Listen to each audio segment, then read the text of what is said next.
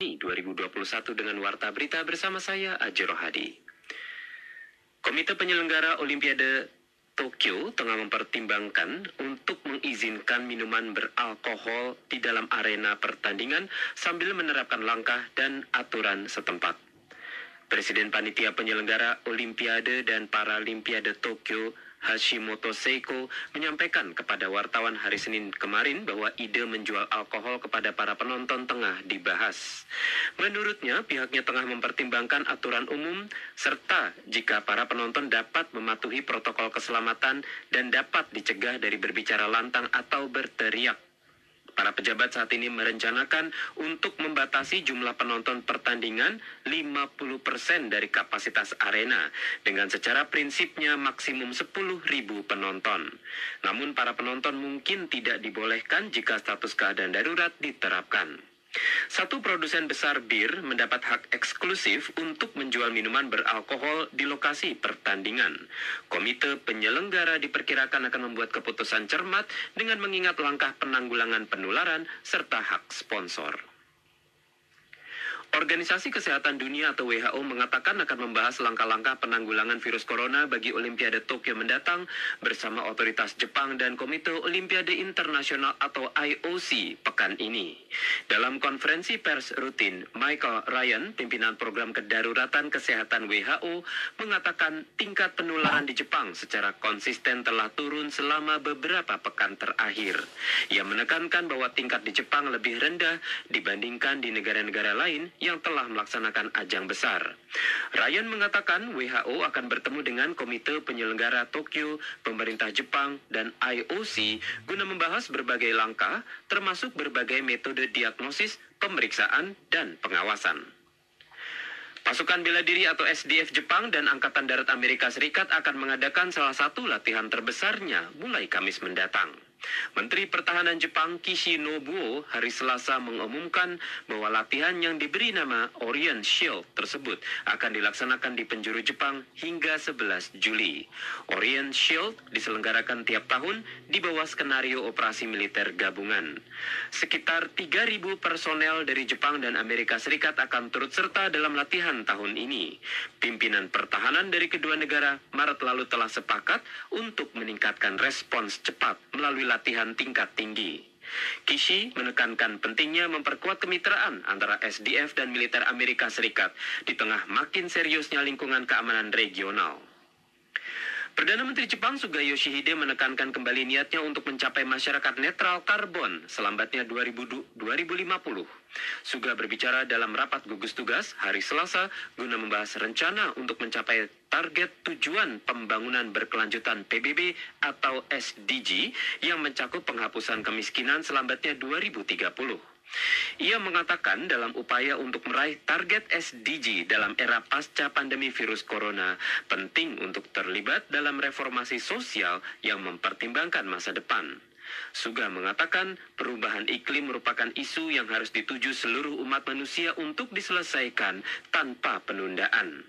Gugus tugas melaporkan mengenai seberapa jauh kemajuan telah dicapai dalam meraih target tersebut, serta menginformasikan bahwa penerapan energi terbarukan berjalan lancar. Terkait peran wanita, gugus tugas tersebut menyebutkan bahwa laporan kesenjangan gender memasukkan Jepang di peringkat 120 dari 156 negara. Pihaknya mengatakan situasi ini amatlah mengecewakan. Satu kajian yang dilakukan pakar sektor swasta mengenai target pemerintah untuk mencapai emisi nol bersih selambatnya 2050 juga dipresentasikan. Kajian itu mengatakan kenaikan amat besar dalam energi terbarukan masih belum cukup untuk meraih target tersebut dan masih banyak lagi jenis energi itu yang harus diterapkan. Seorang anggota tim sepak bola nasional Myanmar telah mengajukan suaka di Jepang. Fei Tian-ong menolak untuk kembali ke Myanmar setelah pertandingan kualifikasi Piala Dunia bulan lalu saat ia mengajukan hormat tiga mengacungkan hormat tiga jari sebagai tanda protes terhadap militer negaranya. Warga negara Myanmar itu mengajukan status pengungsi di Biro Layanan Imigrasi Regional Osaka di Jepang Barat hari Selasa. Otoritas imigrasi Jepang berencana memberikan status pengungsi kepadanya dengan menyebutkan kemungkinan ia dapat menghadapi persekusi jika kembali ke negaranya. Seorang peserta kontes kecantikan dari Myanmar, Han Lei, kembali mengajukan permohonan bagi dukungan internasional guna mengakhiri operasi militer di negaranya. Han Lei adalah mahasiswi berusia 22 tahun yang berkompetisi dalam ajang Miss Grand International yang diadakan di Thailand bulan Maret lalu. Ia menarik perhatian dalam kontes tersebut dengan pidato berlinang air mata mengenai kekerasan fatal di negaranya. Ia berbicara kepada NHK di hari Senin di Bangkok, Thailand, tempat ia tinggal selama ini. Menurutnya, beberapa kawannya telah ditahan oleh militer dan kini berada di penjara. Hanley mengatakan kehidupan masyarakat berada dalam bahaya dan mereka tidak punya pilihan kecuali melawan balik terhadap militer. Ia mengatakan ingin orang-orang dari seluruh dunia untuk menyokong pemerintah persatuan nasional yang dibentuk oleh para anggota parlemen pro-demokrasi yang digulingkan karena pemerintahan itu merupakan satu-satunya harapan yang dimilikinya di Myanmar saat ini.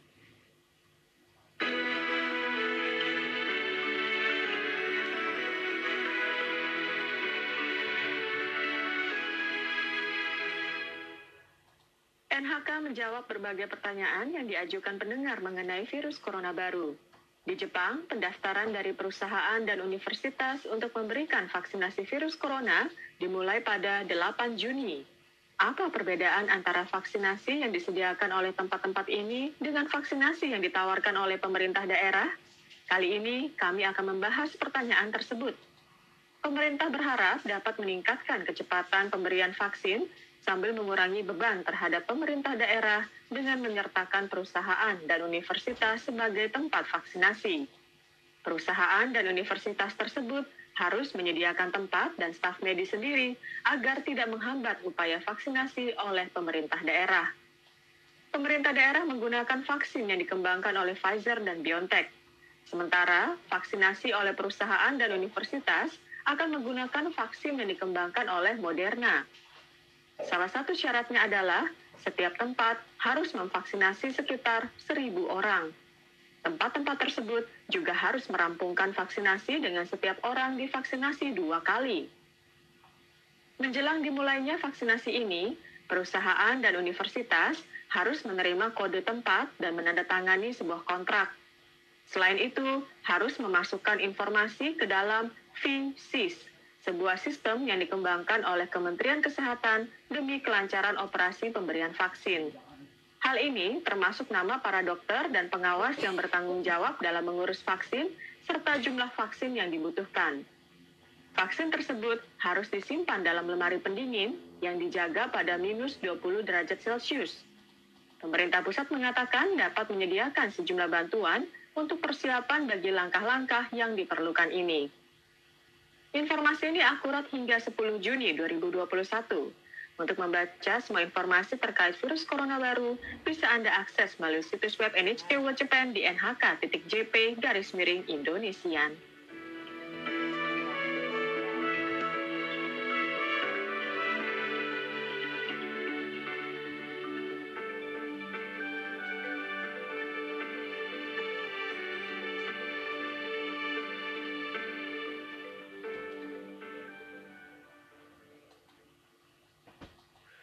Masih bersama kami di NHK World Japan siaran bahasa Indonesia.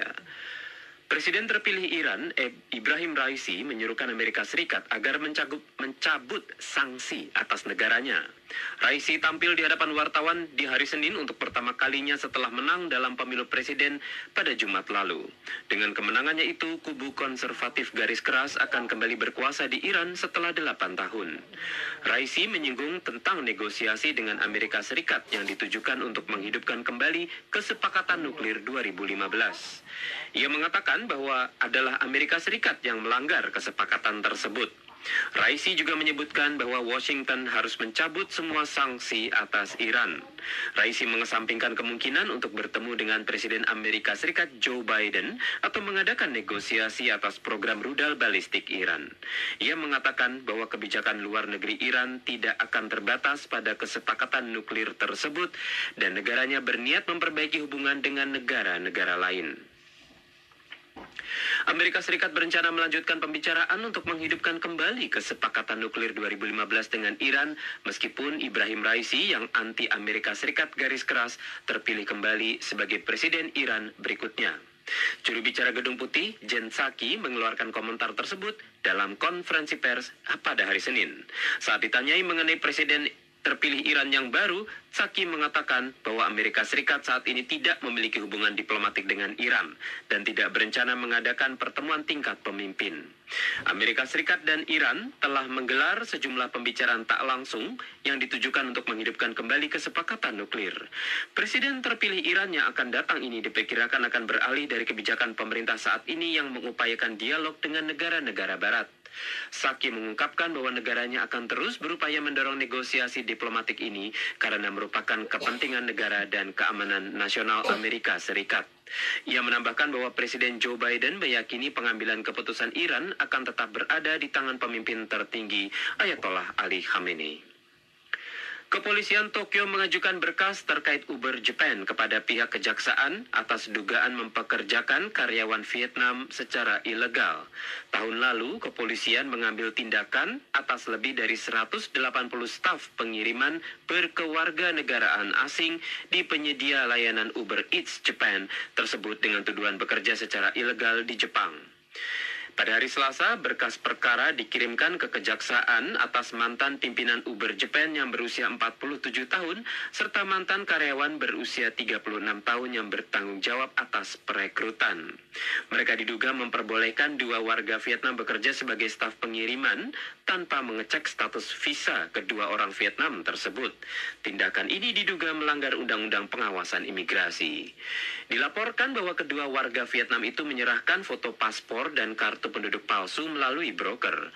Uber Japan diduga tidak memeriksa secara langsung identitas mereka. Toyota Motor akan meluncurkan layanan berbagi tumpangan di sebuah pulau terpencil di Jepang yang transportasi publiknya diperkecil skalanya.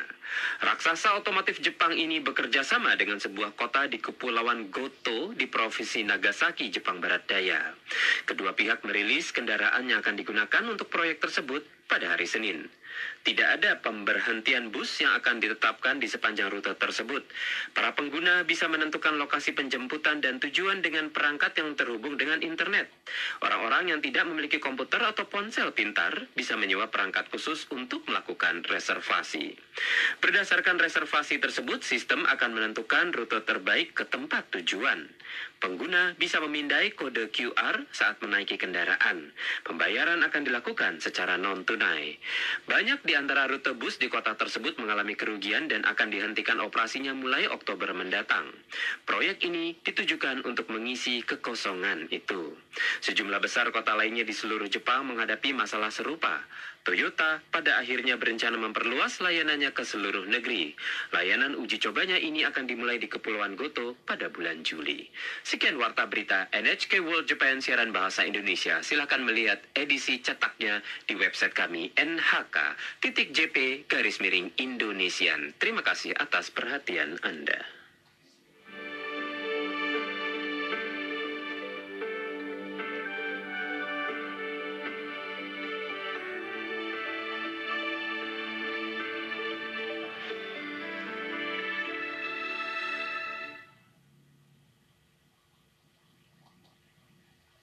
Minasang Ogeki Deska. Senang sekali rasanya kita ketemu kembali di NHK World Japan siaran bahasa Indonesia. Kali ini bersama rekan Sri Lestari dan saya Jero Hadi. Marilah sekarang kita simak program Rumah Kedua.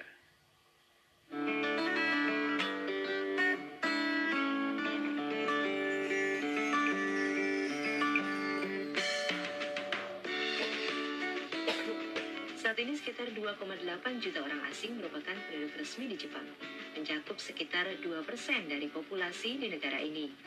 Dalam program Rumah Kedua, kami mengulas tentang kehidupan dan kesulitan yang mereka hadapi di masyarakat Jepang.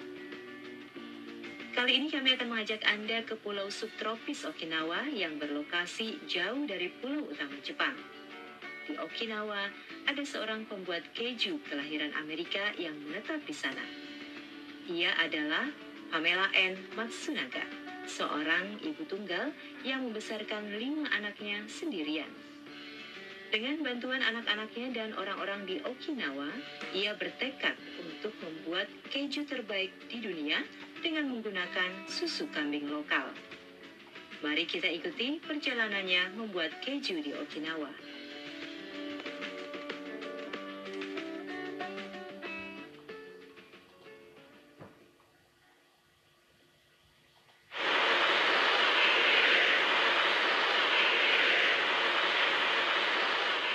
Setengah jam dengan penerbangan dari Tokyo, Okinawa merupakan lokasi dari 70% pangkalan militer Amerika Serikat di Jepang. Lebih dari 50 ribu orang Amerika bergabung atau terkait dengan militer tinggal di sini. Di kota Okinawa merupakan lokasi pangkalan udara Kadena yang disebut sebagai batu penopang Pasifik. Di dekatnya adalah pusat perbelanjaan yang dibangun setelah Perang Dunia Kedua ketika pulau ini dalam penguasaan Amerika Serikat.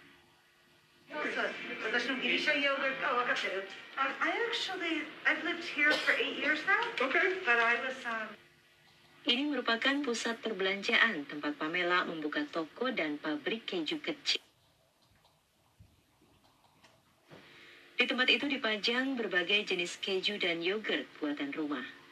Pamela secara khusus merasa bangga terhadap produk keju kambingnya. I don't put anything inside of it. It's clean and pure. Saya tidak memasukkan apa pun di dalamnya. Ini bersih dan murni.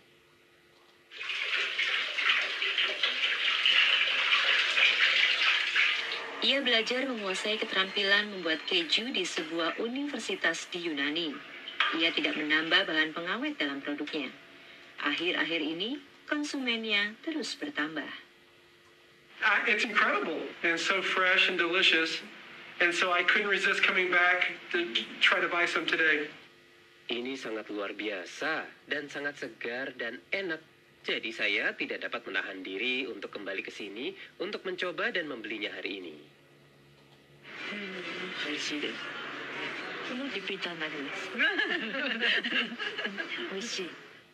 Ini benar-benar enak. Saya akan menjadi pelanggan tetap.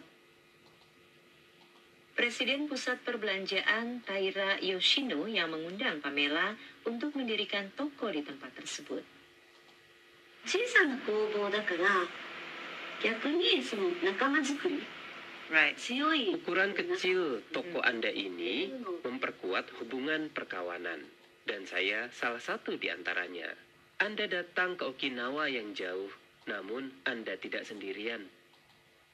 Meski daging kambing merupakan bahan makanan yang sudah lama ada di Okinawa, tetapi keju kambing tidak terlalu umum. Taira melihat keju buatan Pamela merupakan potensi baru bagi budaya makanan Okinawa. Berikut komentar Pamela. It's kind of a new beginning for me here, like a new relationship. Ini merupakan awal yang baru bagi saya di sini, seperti sebuah hubungan baru dengan orang-orang Okinawa.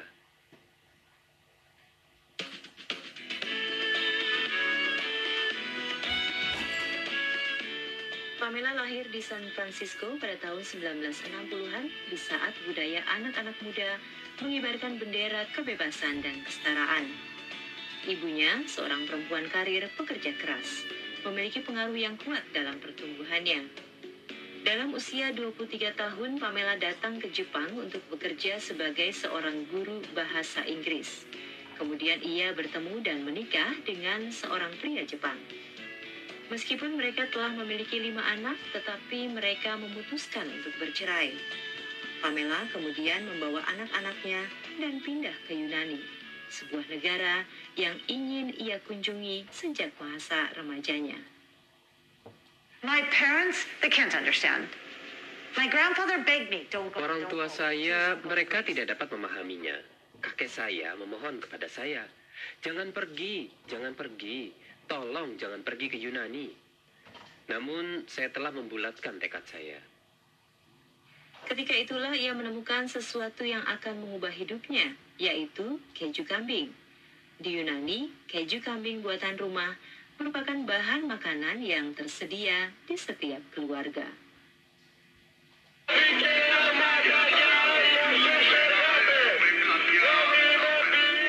Meski begitu, pada tahun 2009 Yunani mengalami krisis finansial. Krisis yang berlangsung lama membuat Pamela khawatir terhadap masa depan dirinya dan anak-anaknya. Ia membuat keputusan yang menyedihkan dengan meninggalkan negara yang ia cintai. Ia dan anak-anaknya memilih Okinawa, di mana banyak orang Amerika tinggal sebagai rumah barunya. I literally came from Greece in 2012 with three of my five kids and four suitcases. That's that's it. Saya benar-benar datang dari. Yunani pada 2012 dengan tiga dari lima anak saya dan empat koper. Itu saja. Itu merupakan saat terberat. Tidak ada waktu untuk takut atau stres atau khawatir. Kami harus melakukannya.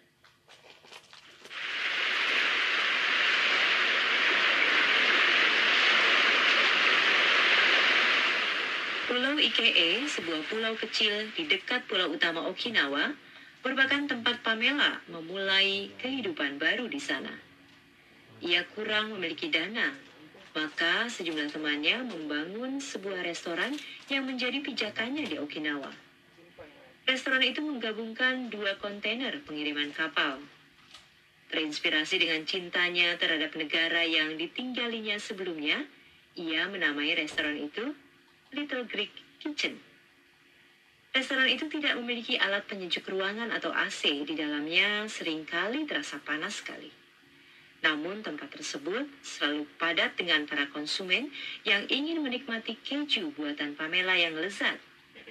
Baginya itu merupakan hari-hari yang sibuk bekerja tergesa-gesa untuk memenuhi kebutuhan. If I didn't have that land and that those containers and turn that into Little Greek Kitchen, Jika tidak ada lahan dan kontainer itu dan mengubahnya menjadi Little Greek Kitchen, saya tidak tahu. Saya mungkin tidak cukup dapat mengungkapkannya. Teman-teman saya memberikan saya peluang ini. Saya selalu merasa bersyukur. Kami bekerja sangat keras, anak-anak saya dan saya. Namun, saya rasa ucapan terima kasih saja tidak cukup. Kemudian ia menjalankan restoran di desa Yomitan, di puncak bukit menghadap ke lautan. Menggabungkan pemandangan yang memesona dengan hidangan asli Yunani, tempat makan milik Pamela itu digemari. Meski keju buatannya memenangkan medali perak di kontes yang paling prestisius di dunia, bagi Pamela itu tidak cukup. Yang ingin benar-benar ia lakukan adalah membuat keju kambing seperti yang ia pelajari di Yunani. 明けましておめでとうございます。今年もよろしくお願いします。Beruntung, Pamela menemukan sekutu yang sempurna dalam proyeknya, yaitu Yamaguchi Eishu, yang memiliki 60 kambing. Keduanya pertama kali bertemu pada tahun 2018. Yamaguchi yang pertama mengunjungi Pamela setelah membaca artikel di koran. Yagi no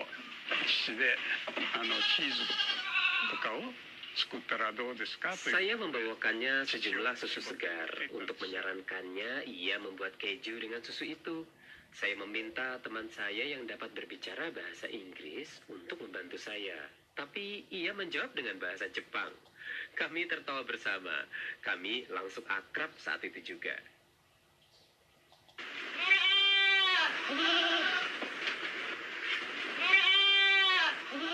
Susu kambing milik Yamaguchi sedikit manis, tidak berbau, dan putih bersih. Persis seperti yang dicari Pamela.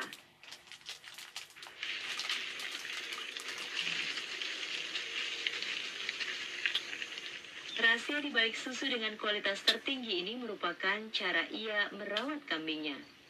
Ia menambahkan tanaman herbal ke pakannya. Ini merupakan trik lama para peternak di Okinawa.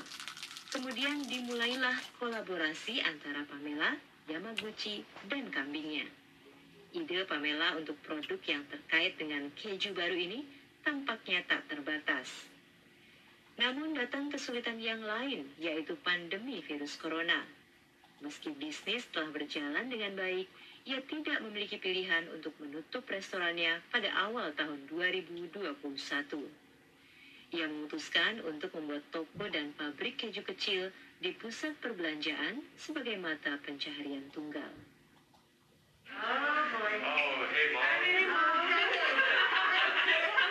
Sembilan tahun sudah ia tinggal di Okinawa. Anak-anak Pamela semuanya sudah besar.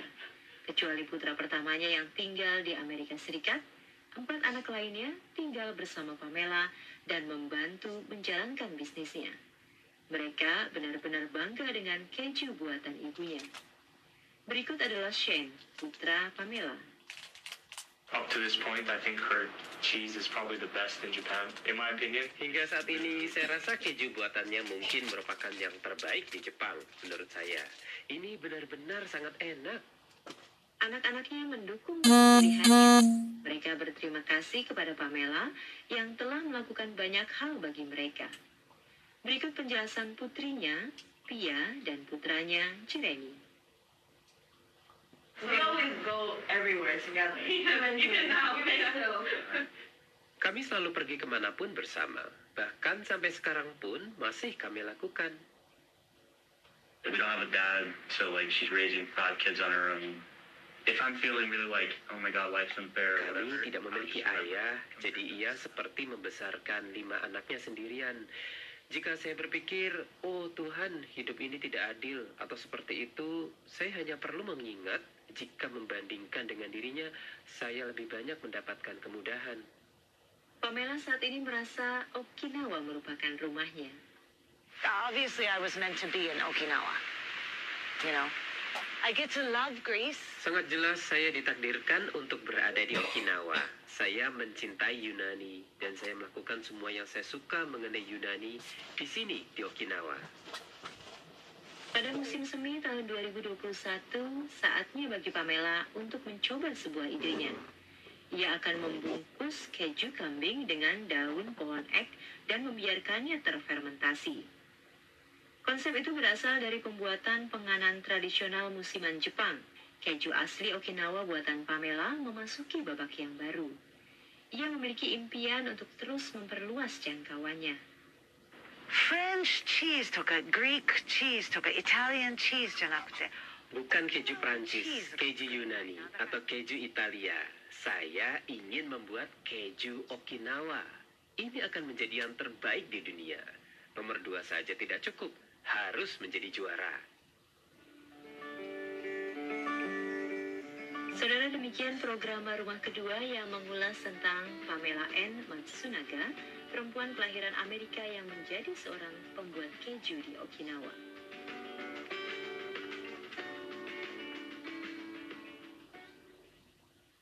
Anda masih bersama kami di NHK World Japan, siaran bahasa Indonesia.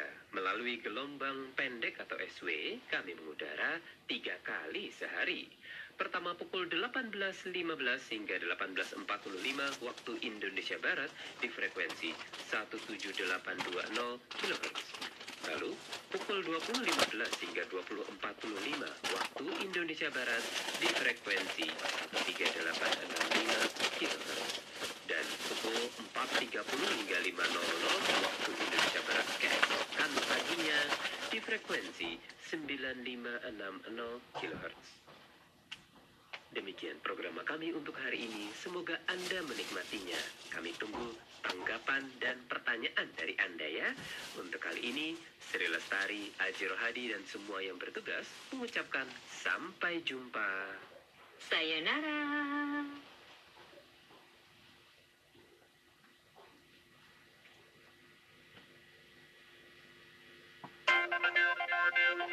NHK ワールドラジオ日本からニュースをお届けしました。 Baru saja kita dengar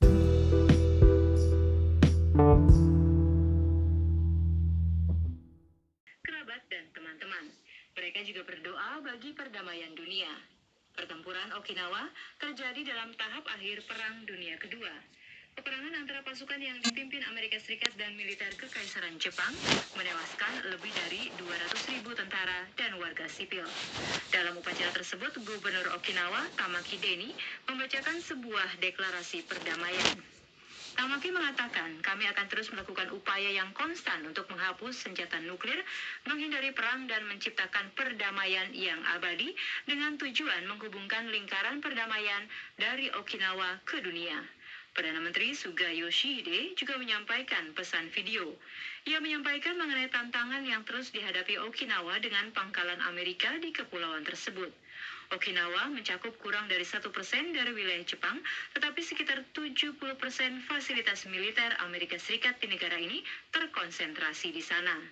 Upacara tersebut biasanya dihadiri ribuan orang, tetapi skalanya diperkecil pada tahun ini dan tahun lalu karena pandemi virus corona. Sekitar 30 orang mengikuti acara tersebut. Sebuah reaktor PLTN tua di Jepang telah dioperasikan kembali yaitu PLTN Mihama berlokasi di Provinsi Fukui di pesisir Laut Jepang. Reaktor nomor 3 kembali beroperasi pada hari Rabu pukul 10.00 pagi. Reaktor itu pertama kali beroperasi pada 44 tahun lalu. Perusahaan tenaga listrik Kansai merupakan operator PLTN tersebut. Reaktor itu merupakan salah satu di antara reaktor berusia di atas 40 tahun yang pertama dioperasikan kembali sejak sejak kecelakaan nuklir pada tahun 2011 di PLTN Fukushima Daiichi. Sejak kecelakaan 2011 tersebut, operasi reaktor PLTN telah dibatasi oleh hukum secara prinsip 40 tahun. Namun pengecualian dapat dibuat. Operasi reaktor dapat diperpanjang hingga maksimal 60 tahun jika lolos pemeriksaan oleh otoritas regulasi nuklir. Reaktor di PLTN Mihama lolos pemeriksaan pada tahun 2016. Perusahaan tenaga listrik Kansai mengatakan jika semua berjalan lancar, reaktor itu akan mencapai reaksi jaringan nuklir berkelanjutan pada Kamis pagi. Diharapkan reaktor itu dapat mengirimkan tenaga listrik secepatnya pada Selasa pekan depan. Dan saudara, kita lanjut ke berita lain. Koran pro demokrasi Hong Kong, Apple Daily akan berhenti terbit pada hari Kamis karena kekurangan dana operasi setelah asetnya dibekukan atas dugaan pelanggaran Undang-Undang Keamanan Nasional Cina untuk kawasan tersebut. Apple Daily mengatakan pada hari Rabu bahwa jika dapat menerbitkan koran edisi Kamis pagi itu akan menjadi yang terakhir dicetak. Koran itu juga menyebutkan edisi daring akan berakhir pada hari itu. Apple Daily telah menjadi simbol kebebasan berpendapat yang dijamin di Hong Kong setelah kawasan tersebut diserahkan ke Cina dari Inggris pada tahun 1997. Dan saudara selanjutnya kita akan ikuti tanya jawab virus corona bersama rekan Mika Velma.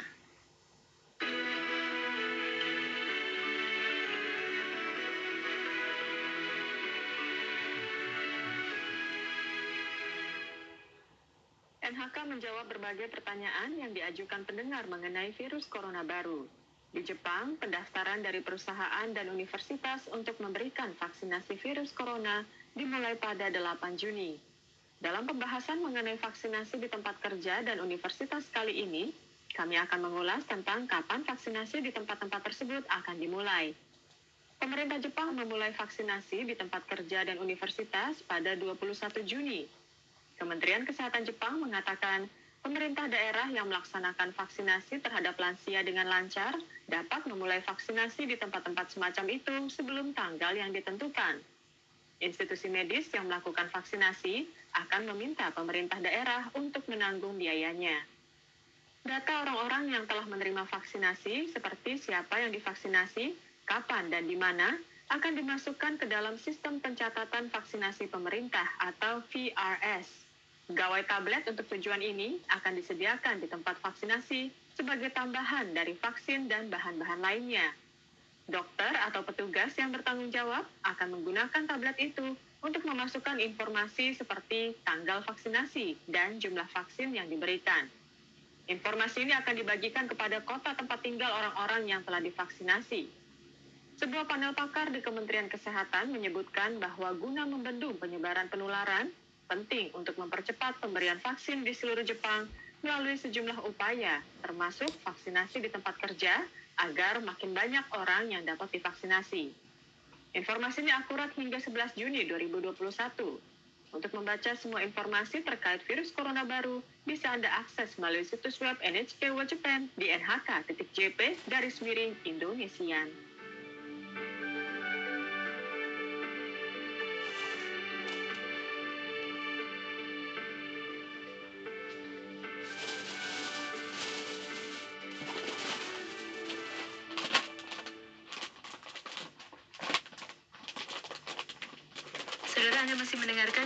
World Japan siaran bahasa Indonesia. Mahkamah Agung Jepang memutuskan sebuah pasal hukum perdata yang menyebutkan pasangan suami istri harus memiliki nama belakang yang sama tidak melanggar konstitusi. Putusan mahkamah terkait hal ini merupakan yang kedua kalinya sejak yang pertama pada tahun 2015. Ketua Mahkamah Agung Otani Naoto menyampaikan putusan tersebut pada hari Rabu. MA menyidangkan sejumlah kasus yang diajukan pada tahun 2018 oleh tiga pasangan terkait hukum umum yang meminta agar otoritas menerima pencatatan pernikahan oleh pasangan suami istri dengan nama belakang berbeda. Mereka mengeklaim bahwa sejumlah pasal terkait hukum perdata dan undang-undang pencatatan keluarga Jepang melanggar konstitusi karena bertentangan dengan ketentuan kesetaraan gender. Kasus tersebut ditolak oleh pengadilan yang lebih rendah dan Mahkamah Agung. Putusan pada hari Rabu juga mengatakan pencatatan pernikahan oleh pasangan dengan nama belakang berbeda tidak dapat diterima oleh otoritas.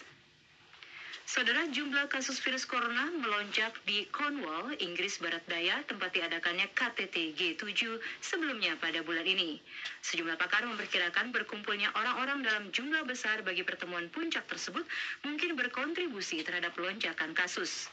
Selain para pejabat dunia dan para pejabat tinggi pemerintah, banyak orang termasuk petugas polisi, awak media, dan pengunjuk rasa mengunjungi Cornwall bagi KTT G7 yang digelar antara 11 hingga 13 Juni lalu. Otoritas Kesehatan Inggris mengatakan jumlah penularan pada pekan hingga 3 Juni adalah sebanyak 28 di Cornwall. Namun jumlah mingguan melonjak menjadi 255 pada tujuh hari berikutnya dan mencapai 826 pada pekan hingga 17 Juni. Lembaga penyiaran publik BBC mengatakan tingkat kasus per 100 ribu orang di Cornwall adalah 131 pada pekan hingga 16 Juni. Sementara jumlah rata-rata di seluruh Inggris adalah 90. Hal ini mengisyaratkan situasi penularan yang makin memburuk. Pemerintah Inggris mengatakan delegasi dan para peserta G7 lainnya dites setiap hari. Pemerintah Inggris menepis kemungkinan bahwa virus tersebut ditularkan dari para delegasi ke warga setempat.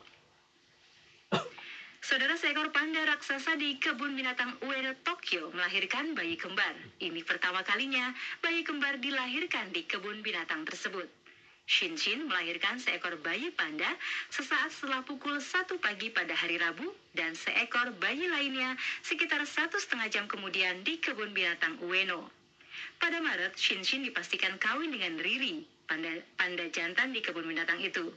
Shinshin mulai menunjukkan tanda kehamilan pada akhir bulan lalu.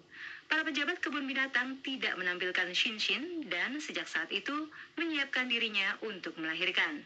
Para pejabat itu mengatakan bayi pertama memiliki berat 124 gram, tetapi berat bayi kedua belum diketahui.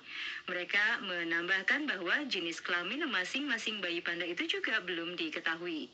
Bayi kembar tersebut adalah bayi panda raksasa pertama yang lahir di kebun binatang Ueno dalam empat tahun.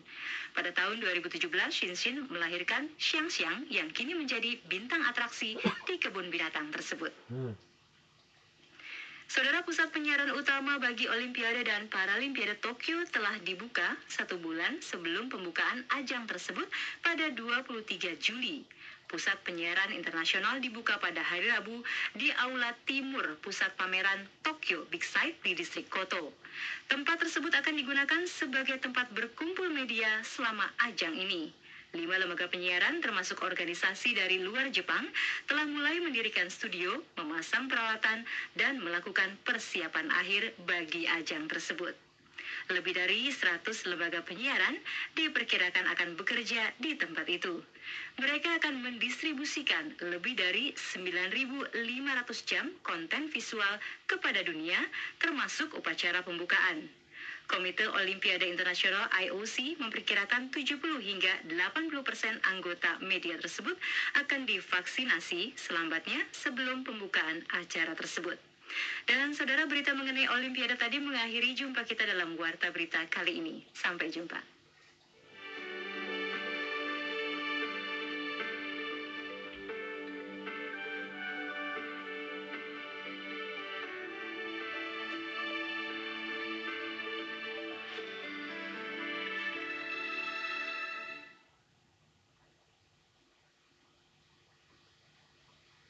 Konbanwa, minasang, o genki desu ka?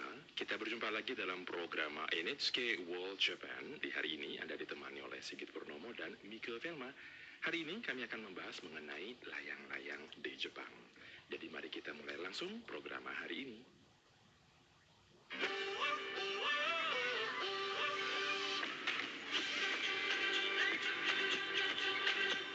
Menerbangkan layang-layang ke langit dengan memanfaatkan embusan angin merupakan rekreasi populer di dunia. Layangan terdiri dari banyak desain yang unik dan cara memainkannya juga beragam di setiap negara. Dalam program Lintas Budaya kali ini, kami menjawab pertanyaan dari pendengar di luar negeri dan mencari tahu tentang daya tarik layang-layang Jepang dan keterampilan tradisional dalam membuatnya.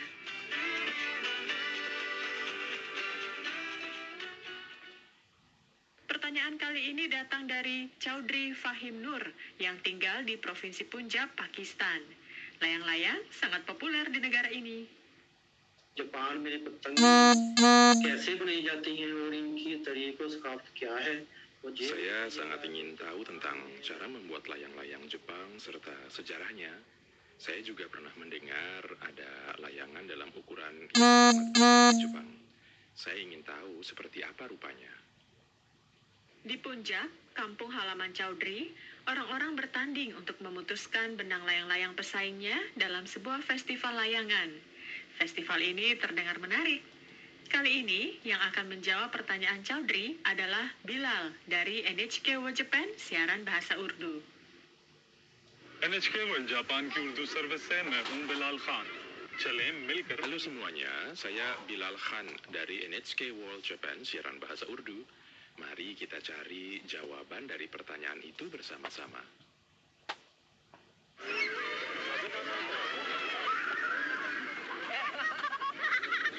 Bilal mengunjungi sebuah taman nasional di Provinsi Saitama. Di sana, sebuah acara menerbangkan layang-layang tengah berlangsung. Banyak anak-anak dan orang dewasa berlarian di sebuah lapangan yang luas. Mereka tampak bersemangat menerbangkan layang-layang. Segala jenis layangan, mulai dari yang berukuran besar, yang terlihat seperti parasut, hingga rangkaian layangan dalam jumlah yang banyak, mengudara di langit biru. Dengan kondisi dunia yang tengah mengalami pandemi virus corona, acara menerbangkan layang-layang ini diselenggarakan untuk mendoakan agar pandemi segera berakhir. Acara serupa digelar di 22 lokasi di Jepang, mulai dari Okinawa di Jepang Selatan hingga Hokkaido di Jepang Utara. Beberapa layang-layang tersebut tampak tulisan virus corona tamat atau pandemi berakhir. Dalam acara-acara tersebut, orang-orang menerbangkan layang-layang di seluruh Jepang untuk mengirimkan harapan ke langit. Berikut ini komentar Bilal.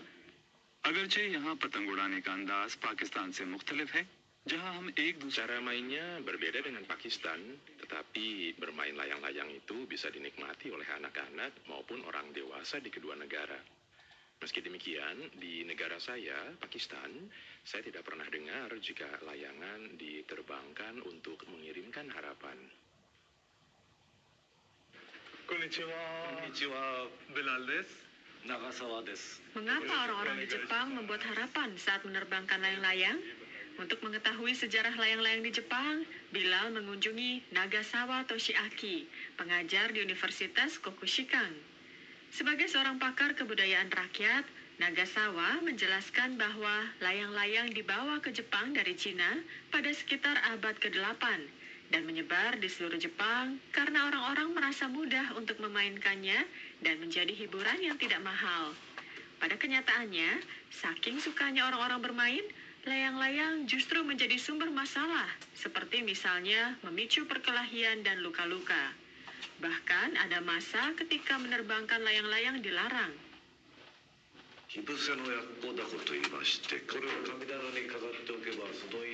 Nagasawa menunjukkan Bilal beberapa foto menarik yang menggambarkan orang-orang antre menunggu untuk membeli layangan spesial di kuil Oji Inari di Tokyo.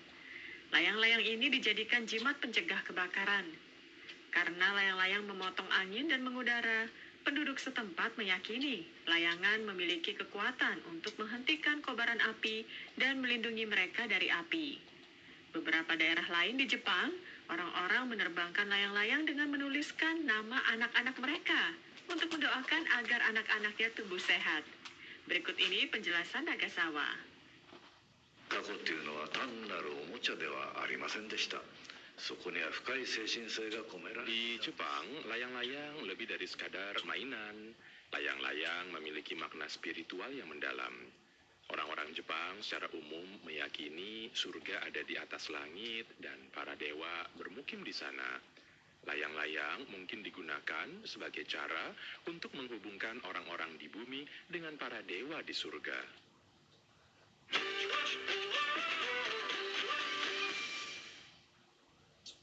Banyak daerah di Jepang yang menghargai budaya menerbangkan layangan mereka. Untuk menggali lebih dalam arti layang-layang bagi orang Jepang, Bilal pergi ke Provinsi Niigata yang berjarak sekitar 300 km sebelah utara Tokyo. Di sana, ia mengunjungi Museum Layang-Layang Shirone. Wow, wow, wow, wow, wow. Wow, sangat besar. Saya sampai harus mendongak untuk melihatnya. Layang-layang persegi panjang berukuran besar dipamerkan di dalam museum. Panjangnya 7 meter dan lebarnya 5 meter. Layang-layang berukuran raksasa Shirone ini telah diproduksi di daerah ini selama bertahun-tahun. Layang-layang tersebut dihias dengan gambar pejuang samurai dalam aneka warna dengan sorot mata yang tajam atau kupu-kupu yang sangat kuat. Layang-layang tersebut terbuat dari 300 lembar kertas washi Jepang dengan kerangka dari bambu. Setiap layang-layang itu beratnya mencapai 50 kg. Apakah layang-layang yang berukuran sangat besar ini benar-benar bisa terbang?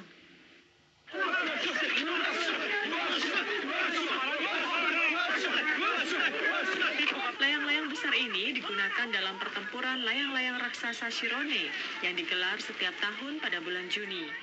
Acara ini dilestarikan oleh warga Shirone selama lebih dari 300 tahun. Setiap layang-layang itu membutuhkan setidaknya 50 orang dewasa untuk menerbangkannya. Dalam pertempuran, layang-layang diterbangkan dari sisi sungai yang berlawanan. Tali layangan saling bertautan dan membetot di udara sampai layang-layang jatuh ke sungai atau talinya putus. Apa arti pertempuran layang-layang ini bagi warga Shirone? Kasai Masanobu, manajer Museum Layang-Layang Shirone yang lahir dan dibesarkan di daerah ini, memberikan penjelasannya. シロネのえータコは地域のみんなで作ります、 えー僕も、えー幼い時から Warga di komunitas ini turut serta dalam membuat layang-layang Shirone. Kami tumbuh dengan menyaksikan orang-orang dewasa membuat layang-layang tersebut. Dan sekarang kami mewariskan pengetahuan ini ke generasi berikutnya. Layang-layang raksasa Shirone menyatukan bersama komunitas ini.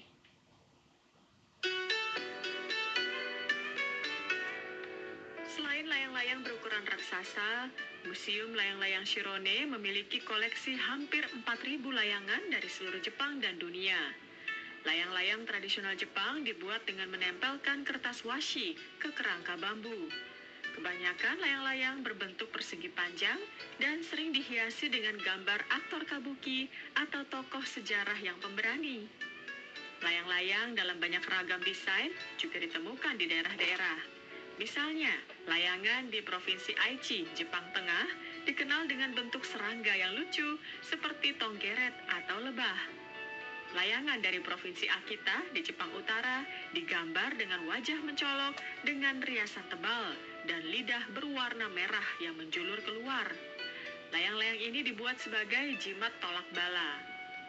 Berasal dari Cina, Layang-layang telah menyebar di Jepang dan berkembang di banyak daerah dengan menggambarkan iklim dan kebudayaan setempat.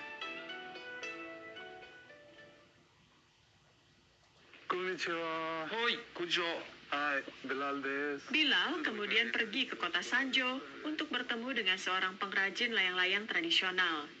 Sudo Kenichi adalah satu-satunya pembuat layangan di kota Sanjo.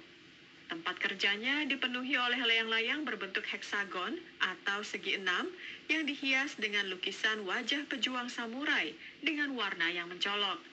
Berikut ini kata Sudo.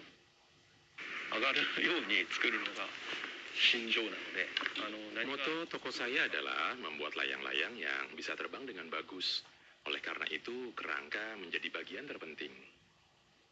Layang-layang buatan Sudo dikenal dengan sebutan Sanjo Rokaku Maki Ika yang arti harfiahnya adalah layang-layang gulung segi enam sanjo. Sesuai dengan namanya, layang-layang ini bisa digulung dengan mengeluarkan kerangka bagian tengahnya. Layang-layang buatannya juga terkenal di luar negeri berkat desain dan portabilitasnya yang sangat bagus. Untuk membuat layang-layang, tiga bilah bambu diikat dengan tali rami guna membentuk kerangka. Kemudian ditempelkan ke bagian dasar yang terbuat dari kertas washi yang ringan dan tahan lama. Proses membuat layang-layang terdiri dari 50 langkah, termasuk meraut bambu menjadi bilah lurus, serta membentuk kerangka dan pengecatan gambar. Seluruh langkah tersebut dilakukan dengan tangan. Sudo adalah generasi keenam pengrajin layang-layang di keluarga yang telah terjun di bisnis ini selama lebih dari 170 tahun. Dulu, sekitar setengah abad lalu, ada lebih dari 10 toko layang-layang di kota ini. Tetapi, kini toko Sudo menjadi satu-satunya toko yang masih buka. Untuk pertempuran layang-layang segi enam Sanjo yang digelar setiap bulan Juni, Sudo membuat sendiri sekitar 150 layang-layang. Berikut ini komentar Sudo. 私がやっぱりこのイカ屋を継いだっていうのもやっぱりそのイカ合戦を Saya mengambil alih toko layang-layang karena saya tidak bisa membiarkan pertempuran layang-layang menghilang. Anak lelaki saya sudah memperhatikan saya saat membuat layang-layang. Saya rasa ia akan melewati berbagai pengalaman dan membuat keputusan sendiri untuk melanjutkan bisnis ini atau tidak. もうちょっと塗りますか Sudo mengizinkan Bilal untuk melukis sebuah layang-layang. Pertama, Sudo menggambar sketsa wajah dan janggut dengan kuas beragam ukuran dan jenis yang berbeda di kertas dasar berwarna putih yang menempel di kerangka layang-layang. Kemudian, Bilal mewarnainya dengan cat delapan warna dan tinta hitam dalam tiga gradasi warna berbeda. Untuk sentuhan akhir, Sudo melukis mata yang tajam dengan tinta hitam pekat, sehingga membuat pejuang samurai itu terkesan hidup. Bila juga menuliskan nama anaknya dalam bahasa Urdu di layang-layang itu mengikuti tradisi Jepang yang mendoakan agar anak-anak tumbuh dengan sehat. Yes. Sekarang mereka akan menerbangkan layang-layangnya. Dengan disaksikan Sudo, Bilal menerbangkan layang-layangnya ke udara, membawa harapannya. Bilal mengungkapkan perasaannya. इतनी भारी पतंग जो है इतनी आसानी से और खूबसूरती से उड़ रही है Tarikan layang-layangnya terasa ber- berat, tetapi layang-layangnya terbang dengan mudah dan indah. Menerbangkan layang-layang adalah salah satu bagian penting dalam budaya Jepang. Ukuran dan jenisnya ada beragam macam. Saat saya menyaksikan orang-orang membuat layangan atau menerbangkannya, saya merasa Kita layang-layang lebih dari sekadar permainan atau mainan bagi orang-orang Jepang.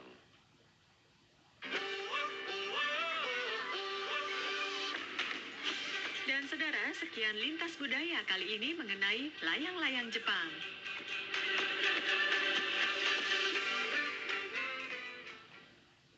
Kami lanjutkan program hari ini dengan satu buah lagu yang dibawakan oleh Yorushika. Judulnya adalah Ame to Cappuccino atau Hujan dan Kopi Cappuccino.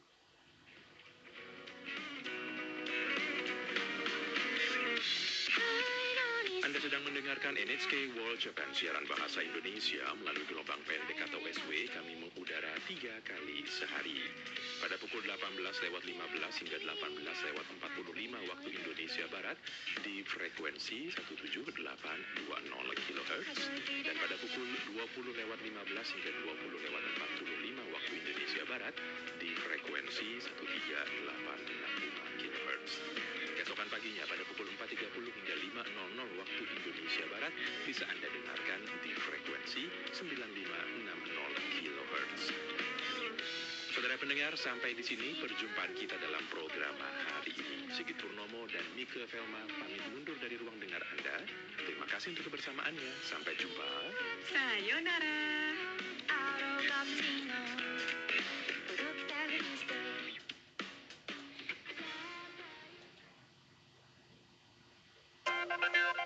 NHK ワールドラジオ日本からニュースをお届けしました Baru saja kita dengarkan berita dari Radio Jepang NHK World. Untuk mendengarkan program Radio Jepang lainnya, serta mengirimkan pesan atau masukan lainnya, silakan kunjungi situs nhk.jp Indonesia dan klik hubungi kami.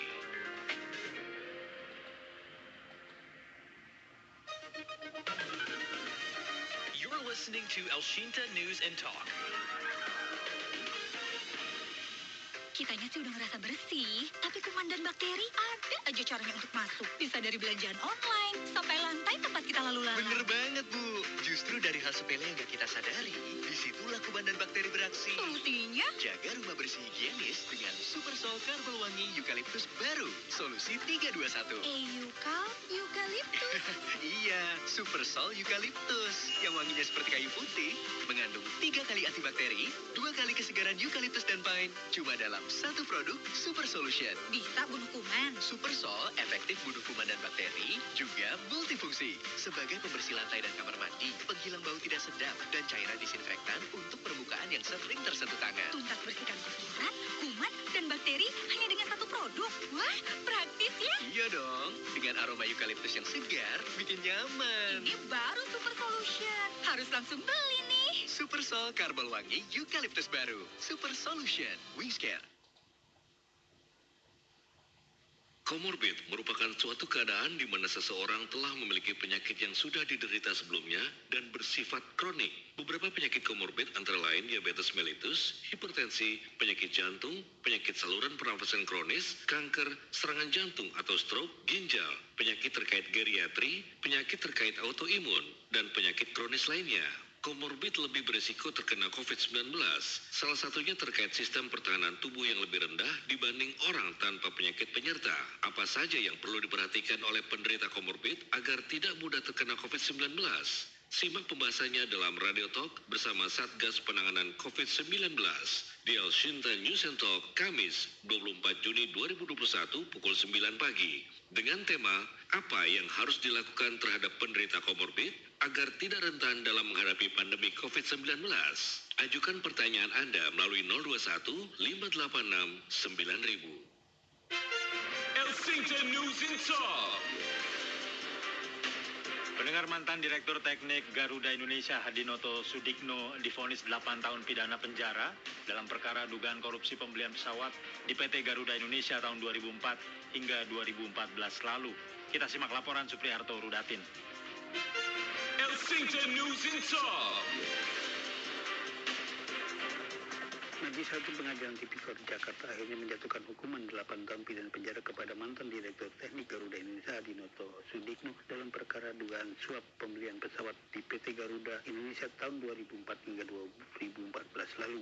Sidang yang dipimpin oleh Rosmina digelar secara virtual di tengah kantor pengadilan negeri Jakarta Pusat menghentikan operasionalnya akibat 27 pegawainya terpapar COVID-19. Selain vonis 8 tahun pidana penjara, Hadinoto juga dijatuhi hukuman denda 1 miliar rupiah, subsidi 3 bulan kurungan, serta membayar biaya pengganti senilai 2,3 juta dolar Amerika dan 477 ribu euro atau setara dengan 3,7 dolar Singapura, subsidi 4 tahun kurungan. Vonis lebih ringan dari tuntutan jaksa KPK yang sebelumnya mengajukan hukuman kepada Hadinoto selama 12 tahun denda 10 miliar subsidi 8 bulan serta uang pengganti 2,3 juta dolar Amerika dan 477 ribu euro subsidi 6 tahun. Hadinoto dinilai telah terbukti bersalah bersama sama dengan mantan Direktur Utama PT Garuda Indonesia Emir Sahsatar dan Kapten Agus Wahyudo melanggar dakwaan jaksa KPK sesuai dengan pasal 12 Undang-Undang Tipikor dan pasal 3 Undang-Undang Pencucian Uang. Hadinoto dinilai telah terbukti menerima suap dari perusahaan pabrik pesawat Airbus, Rolls-Royce, ATR, dan Bombardier terkait dengan pengadaan 21 unit pesawat Airbus A330 series, 25 unit pesawat Airbus A320 series, 18 unit pesawat CRJ, dan 16 unit jenis ATR serta pengadaan dan pemeliharaan mesin pesawat merek Rolls-Royce. Suap yang diterima Hadinoto adalah sebesar 2,3 juta dolar Amerika dan 4,7 477 ribu euro atau setara dengan 3,7 juta dolar Singapura melalui perusahaan perantara yang dikendalikan oleh bos Mugi Rekso Abadi yaitu Sutikno Sudarjo. Dalam menjatuhkan pidana, hakim menilai keadaan yang memberatkan pada diri terdakwa Adinoto Sudikno antara lain perbuatan Adinoto dilakukan terhadap BUMN dalam bidang penerbangan banggaan Indonesia yang melekat lambang negara yang seharusnya dapat mengharumkan nama bangsa tidak hanya tingkat nasional tapi juga internasional. Terdakwa dinilai memperburuk citra Indonesia dalam mata asing dalam mengelola bisnis bertaraf internasional dan terdakwa Hadinoto dinilai tidak mengakui perbuatannya. Mengadili satu menyatakan terdakwa Hadinoto Sudibno telah terbukti secara sah dan meyakinkan bersalah melakukan tindak pidana korupsi sebagaimana diatur dan dirancang pidana dalam dakwaan satu pertama dan kedua. Dua menjatuhkan hukuman terhadap terdakwa Hadinoto Sudibno dengan pidana penjara selama 8 tahun dan denda sejumlah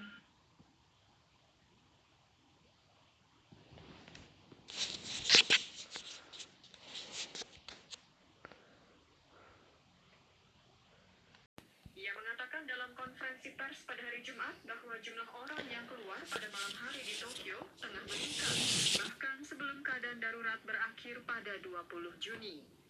Ia mengatakan besar kemungkinan jumlah orang yang keluar pada malam hari di Tokyo makin meningkat dan jumlah kasus dapat bertambah. Menteri itu juga menyebutkan bahwa vaksinasi belum mencapai seluruh populasi dan langkah-langkah ketat mungkin diperlukan guna membendung penularan. Pemerintah Metropolitan Tokyo memastikan 562 kasus baru virus corona pada hari Jumat. Jumlah tersebut naik 109 dari pekan lalu, menjadikannya kenaikan minggu ke minggu selama enam hari berturut-turut. Jumlah ini juga merupakan kenaikan minggu ke minggu selama tiga hari berturut-turut yang melampaui 100. Badan Pengawas Obat-obatan dan Pangan Amerika Serikat atau FDA memberikan izin penggunaan darurat bagi obat anti rematik Actemra untuk merawat pasien virus corona yang dirawat di rumah sakit. Obat tersebut dikembangkan di Jepang. FDA mengumumkan pada hari Kamis bahwa obat itu dapat diberikan kepada orang yang dirawat dengan steroid antiinflamasi dan membutuhkan oksigen tambahan, ventilator, atau mesin jantung paru-paru ECMO.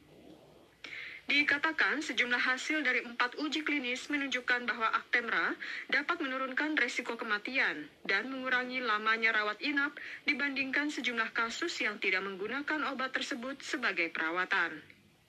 Actemra dikembangkan di Jepang oleh sebuah tim yang dipimpin Profesor Universitas Osaka, Kishi virus corona.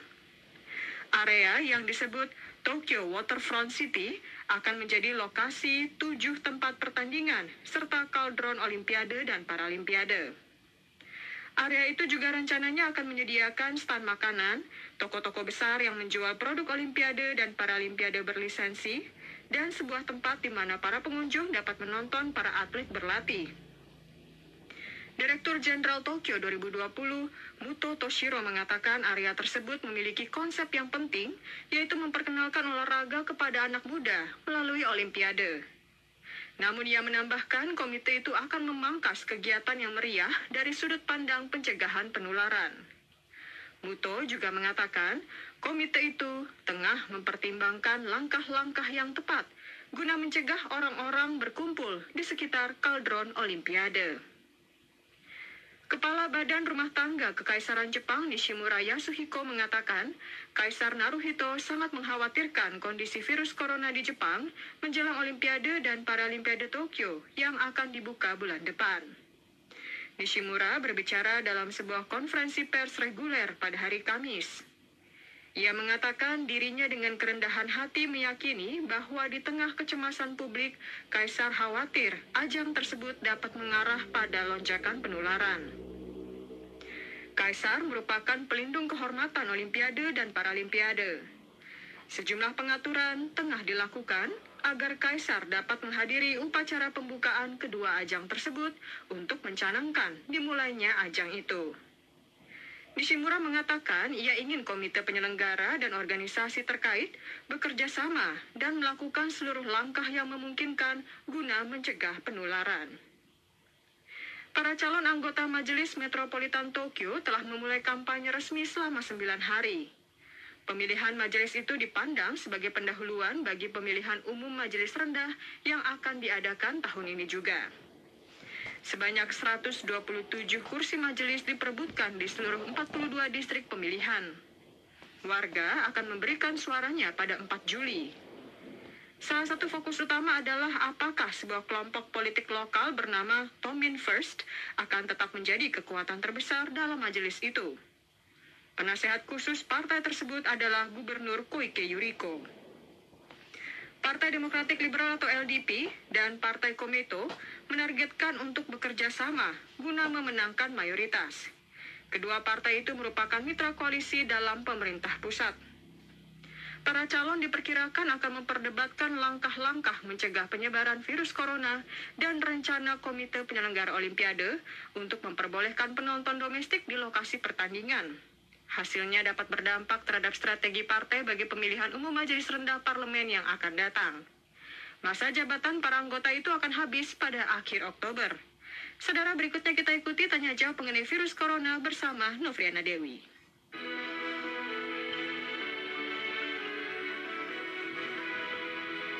Saudara NHK menjawab berbagai pertanyaan dari para pendengar mengenai virus corona baru. Pendaftaran dari perusahaan dan universitas untuk memberikan vaksinasi virus corona dimulai pada 8 Juni. Kali ini kami akan membahas mengenai situasi program vaksinasi di perusahaan kecil dan menengah. Pemerintah telah menjalankan rencana untuk mempercepat pemberian vaksinasi dengan memperbolehkan universitas dan perusahaan yang memiliki lebih dari seribu karyawan untuk memulai penyuntikan vaksin. Sementara itu, meskipun berencana mengajukan pendaftaran bagi vaksinasi, perusahaan kecil dan menengah mengalami kesulitan memperoleh staf medis untuk pemberian vaksin. Menurut perusahaan-perusahaan semacam ini, banyak di antaranya tidak memiliki dokter perusahaan yang ditugaskan di kantor. Sebagai tambahan, akan sulit bagi perusahaan-perusahaan ini untuk mengoordinasi pendaftaran dalam jumlah besar lebih dari seribu orang.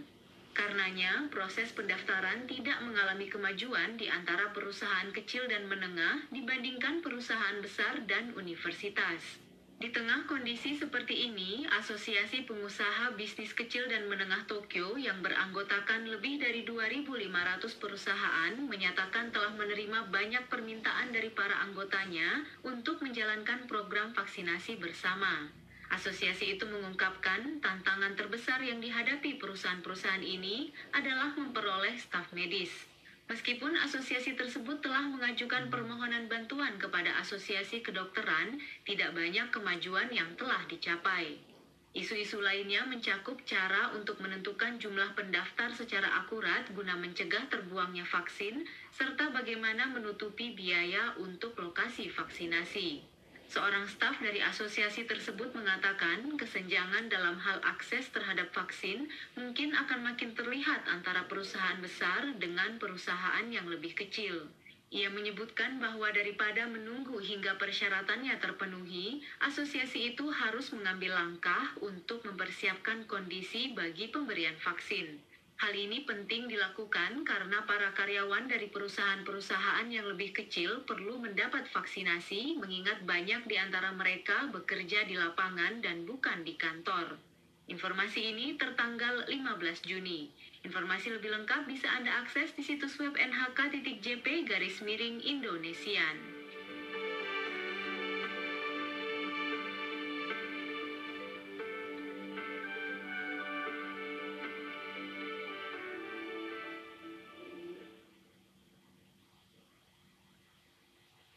Saudara Anda tengah mendengarkan NHK World Japan. Presiden Amerika Serikat Joe Biden mengecam Cina atas tutupnya surat kabar pro-demokrasi Hong Kong, Apple Daily. Ia menekankan bahwa Amerika Serikat akan terus mendukung rakyat Hong Kong. Apple Daily memutuskan untuk tutup setelah anggota-anggota staf senior ditahan dan aset-aset surat kabar itu dibekukan dengan dugaan melanggar Undang-Undang Keamanan Nasional Cina untuk kawasan itu. Surat kabar tersebut menerbitkan edisi terakhirnya pada hari Kamis. Gedung Putih merilis pernyataan pada hari yang sama. Dalam pernyataan itu, Biden mengatakan, ini hari yang menyedihkan bagi kebebasan media di Hong Kong dan di seluruh dunia. Ia juga mengatakan, represi yang menguat oleh Beijing telah mencapai tingkat sehingga Apple Daily, benteng jurnalisme independen yang sangat diperlukan di Hong Kong, kini telah berhenti terbit. Biden mendesak Beijing agar berhenti menyasar pers independen dan membebaskan jurnalis dan eksekutif media yang ditahan. Ia menambahkan, aksi jurnalisme bukanlah kejahatan. Pemerintah Cina mengatakan telah mengajukan keluhan ke Organisasi Perdagangan Dunia WTO atas bea masuk Australia terhadap tiga produk. Kementerian Perdagangan pada hari Kamis mengatakan kasus ini melibatkan bea masuk anti-dumping oleh Australia terhadap kereta, menara angin, dan tempat cuci piring baja tahan karat dari Cina. Juru bicara kementerian, Kau Feng, mengatakan dalam jumpa pers bahwa Cina menentang penyalahgunaan langkah perbaikan perdagangan dan berharap Australia akan mengambil langkah konkret untuk memperbaiki tindakan yang salah tersebut. Australia sebelumnya telah mengajukan keluhan ke WTO atas bea masuk tambahan terhadap minuman anggur dan jawawut Australia. Langkah terbaru Cina tersebut tampaknya adalah tanggapan atas hal ini. Para pemilik saham konglomerat industri Jepang, Toshiba, memberikan suara menolak penunjukan kembali dua anggota dewan dalam sebuah rapat pada hari Jumat. Komisaris utama Nagayama Osamu disingkirkan dalam apa yang dianggap sebagai langkah yang tak biasa. Penunjukan dewan direksi biasanya diterima dalam rapat pemegang saham di Jepang. Rapat itu mengesahkan sembilan kandidat dewan yang lain, termasuk CEO Tsunakawa Satoshi. Manajemen Toshiba mengalami perpecahan atas bagaimana menanggapi sebuah dana investasi yang mengkritik keputusan-keputusannya. Dana itu mengambil alih saham yang signifikan di perusahaan tersebut dan dianggap sebagai pemilik saham aktivis. Satu panel pengacara independen yang ditunjuk dana itu menerbitkan sebuah laporan sebelumnya bulan ini. Laporan itu menuduh Toshiba berkolusi dengan Kementerian Industri Jepang untuk mempengaruhi suara pemilik saham agar menolak proposal-proposal yang diajukan dana tersebut tahun lalu. Saudara, sebuah panel pakar Kementerian Pendidikan Jepang menjelaskan langkah-langkah pencegahan bunuh diri anak yang mencapai rekor tertinggi tahun lalu. Kementerian Pendidikan mengatakan sebanyak 499 siswa SD SMP, dan SMA melakukan bunuh diri tahun lalu. Jumlah ini 100 lebih tinggi dibandingkan tahun sebelumnya dan yang tertinggi sejak pemerintah mulai mencatatnya pada tahun 1978. Menurut laporan yang dipresentasikan pada hari Jumat, bunuh diri meningkat khususnya pada bulan Juni, Agustus, dan November Bulan-bulan ini bertepatan dengan saat sekolah buka kembali setelah tutup dalam waktu lama akibat virus corona. Masa libur musim panas yang dipersingkat atau pembatalan acara-acara sekolah termasuk festival budaya dan olahraga. Panel itu menyatakan bahwa anak-anak yang merasa terasing di rumah mungkin merasa tertekan berada lebih lama di rumah Pakar-pakar menambahkan, anak-anak kehilangan kesempatan untuk mencapai tujuan dan mendapat rasa mencapai sesuatu melalui kegiatan sekolah. Juga lebih sulit bagi para siswa untuk berkonsultasi dengan guru mereka. Panel itu mengatakan diperlukan langkah-langkah mendesak seperti program pendidikan bagi anak-anak untuk belajar bagaimana meminta bantuan. Dan saudara, sekian warta berita NHK World Japan dari Tokyo.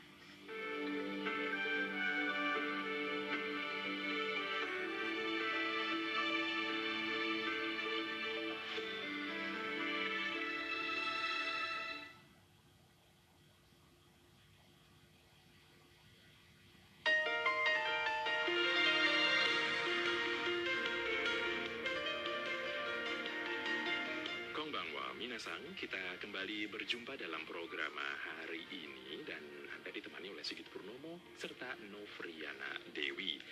Hari ini kita akan belajar bahasa Jepang lagi dalam cara mudah berbahasa Jepang dan nanti kami juga akan sisipkan waktu sedikit untuk membaca surat dari para pendengar. Ada lagu juga tentunya. Jadi mari kita mulai langsung program hari ini dengan cara mudah berbahasa Jepang.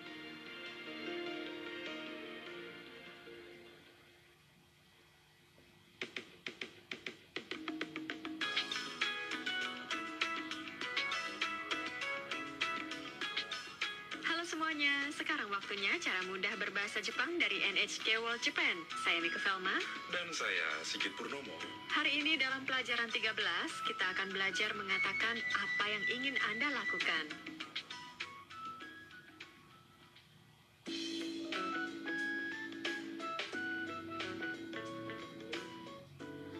Tam dari Vietnam sedang berbincang dengan Harusan dan Mia, fotografer dari Cina, di ruang tengah rumah Harusan. Mari kita dengarkan sandiwara singkat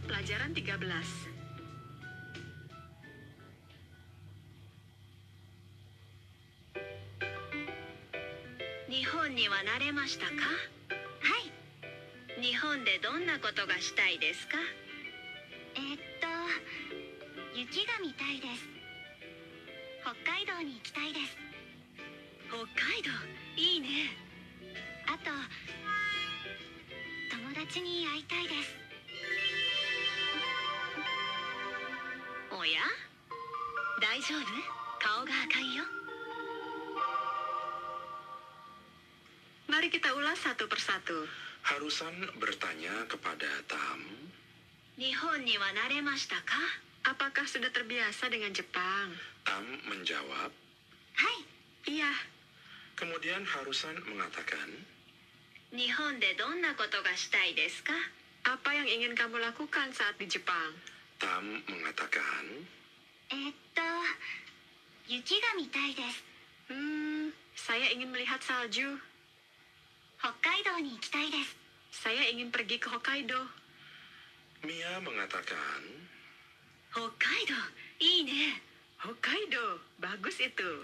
Tam melanjutkan, Atau Selain itu, ingin berjumpa teman. Sensor harusan mendeteksi sesuatu. Dan pipinya berkedap-kedip warna merah muda. Oh ya? Oh ya? Mia juga menyadari sesuatu yang berbeda dari Tam. Daijoubu? Apakah kamu baik-baik saja? Kau ga akai yo? Wajah kamu merona merah. Tam tampak malu ketika ia mengatakan ingin bertemu dengan temannya. Kira-kira siapa ya?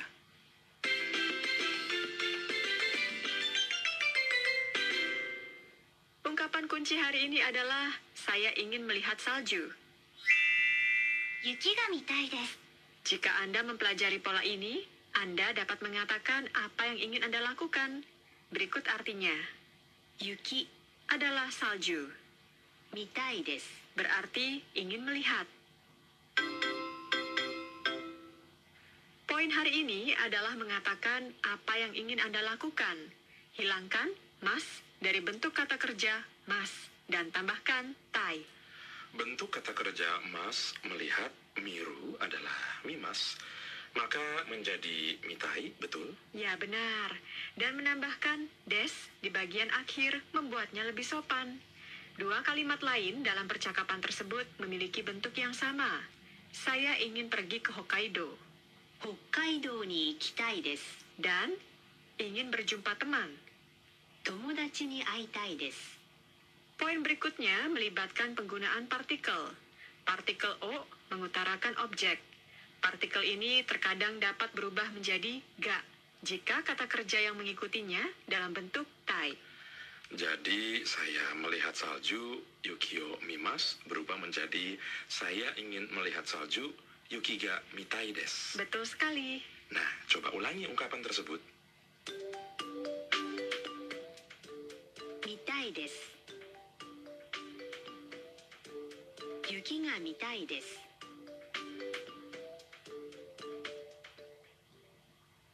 Bagaimana?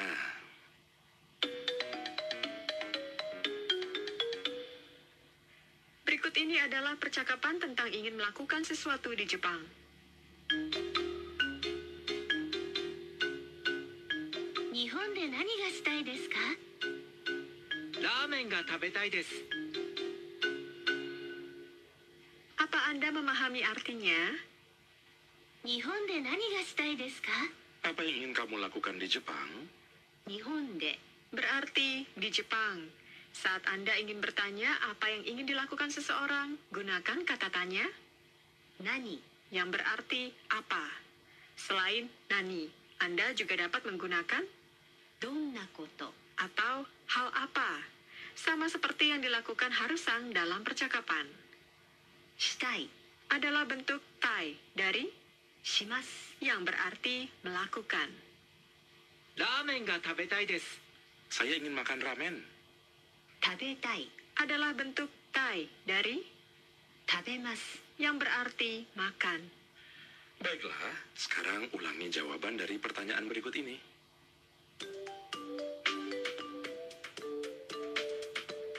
Nihon de nani ga ka?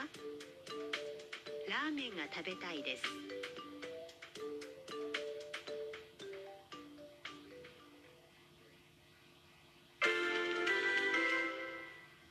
Lalu, coba mengucapkan hal-hal lain yang Anda ingin lakukan. Bagaimana jika Anda ingin pergi ke kuil King Kinkakuji di Kyoto? Pengucapannya adalah Kinkakuji. Kinkakuji. Saya pergi adalah ikimas. Ikimas. Dan saya pergi ke kuil King Kinkakuji adalah King Kinkakuji ni ikimas. Coba ubah bentuknya.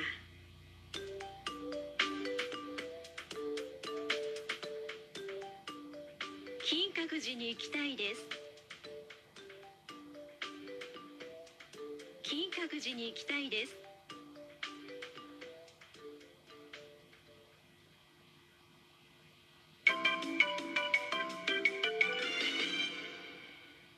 Bonus ungkapan hari ini adalah kalimat yang diucapkan Mia ketika ia melihat pipi Tam merona merah. Coba diingat kata ini. 大丈夫 Daijoubu berarti, apakah kamu baik-baik saja? Digunakan untuk mengutarakan kekhawatiran mengenai orang yang Anda ajak bicara. Jika Anda ingin mengatakannya dengan lebih sopan, katakan, Daijoubu desu ka? Ketika seseorang bertanya kepada Anda, apakah kamu baik-baik saja? Dan Anda ingin mengatakan, baik-baik saja. Ucapkan, Daijoubu desu. Daijoubu desu. Bagaimana? Daijobu? dengarkan sandiwara singkat hari ini sekali lagi. 日本には慣れましたかはい日本でどんなことがしたいですかえーっと雪が見たいです北海道に行きたいです北海道いいねあと友達に会いたいです おや大丈夫顔が赤いよ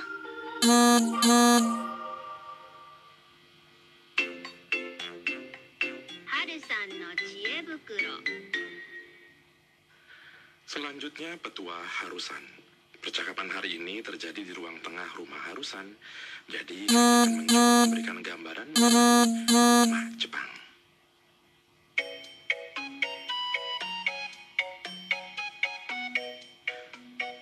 Mika bisa jelaskan bagaimana dengan denah rumah Jepang ini? Setiap rumah memiliki tata ruang. Namun, terdapat dua gaya ruangan, gaya Jepang dan Barat.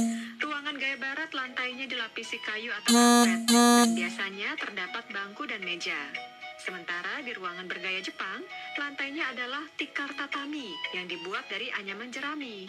Di ruangan ini, orang-orang duduk dengan bantal lantai yang disebut zabutong, sambil mengelilingi meja rendah.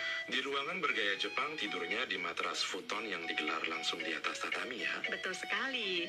Tapi sekarang ruangan gaya barat menjadi lebih umum karena gaya hidup telah berubah. Banyak rumah memadukan dua gaya tersebut dengan setidaknya satu ruangan tatami. Di tatami pasti terasa nyaman ya. Memang nyaman. Dan ngomong-ngomong, baik untuk gaya Jepang maupun barat, Anda harus melepas alas kaki setelah melewati pintu masuk. Lepaskan juga sandal rumah ketika memasuki ruangan bergaya Jepang. Dengan begitu, Anda dapat merasa rileks dengan rumah tatami.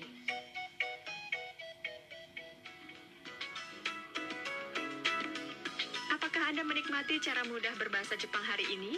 Ikuti episode selanjutnya.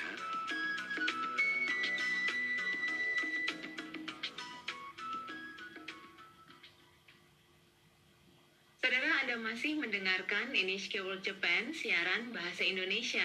Melalui gelombang pendek atau SW kami mengudara tiga kali sehari. Pertama pukul 18.15 sampai 18.45 waktu Indonesia Barat di frekuensi 17820 kHz. Kemudian pukul 20.15 sampai 20.45 waktu Indonesia Barat di frekuensi 13865 kHz. Dan keesokan paginya pukul 4.30 sampai 5.00 waktu di frekuensi 9560 kHz. Sekarang waktunya saya untuk membacakan surat yang sudah dikirimkan oleh pendengar. Kali ini giliran I Kadek Angga di Buleleng di Bali ini ya. Tapi country-nya dia menulis Indo dengan katakana. Ini hati-hati ya, mungkin karena kebiasaan orang Indonesia kalau nyebut eh dari mana? Dari Indo gitu ya. Mungkin hanya orang Indonesia saja yang menggunakan seperti itu. Tapi kalau di Jepang kalau menulis Indo artinya dia. Jadi harap berhati-hati harus yang lengkap ya kalau dengan bahasa Jepang Indonesia. Oke, pertanyaan dari Kadek Angga Wisesa di Buleleng, Bali ini mau bertanya tentang apa bedanya hausu dan uchi. Ini maksudnya rumah ya. Kalau hausu itu diambil dari bahasa Inggris yang langsung ditulis dengan katakana. Kan kalau bahasa Inggrisnya kan house. Kalau dengan katakana jadi hausu ya ditulisnya. Sementara kalau uchi ini mungkin kalau dalam bahasa Jepang lebih tepat kalau rumah itu memakai ie ketimbang uchi. Kalau uchi itu lebih ke bagian dalam gitu ya. Meskipun ada juga sih misalnya yang suka nanya eh, rumahnya atau tempat tinggalnya di mana uchi itu artinya nanya rumah atau tempat tinggalnya di mana. Tapi kalau untuk rumah itu lebih tepat menggunakan. Jadi semoga bisa menjawab ya Kadek Angga Wisesa. Jadi artinya nih maknanya mirip sama, tetapi hanya perbedaannya adalah house itu diambil dari bahasa Inggris house begitu. Dan pendengar kami tutup program hari ini dengan memutarkan sebuah lagu yang dibawakan oleh Fukuyama Masaharu. Kami pilihkan yang berjudul Kazokuni Naroyo yang artinya kira-kira ayo jadi keluarga.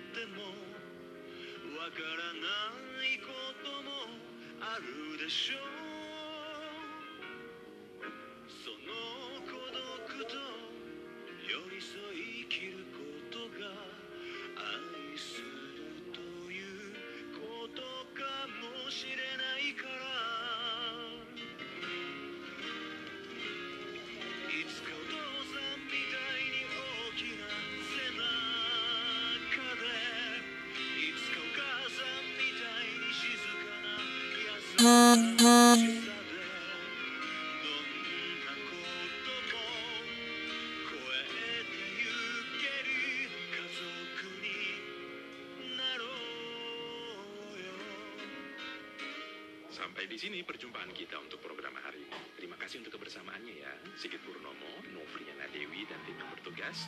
Undur diri dari ruang dengar Anda. Sampai jumpa. Sayonara.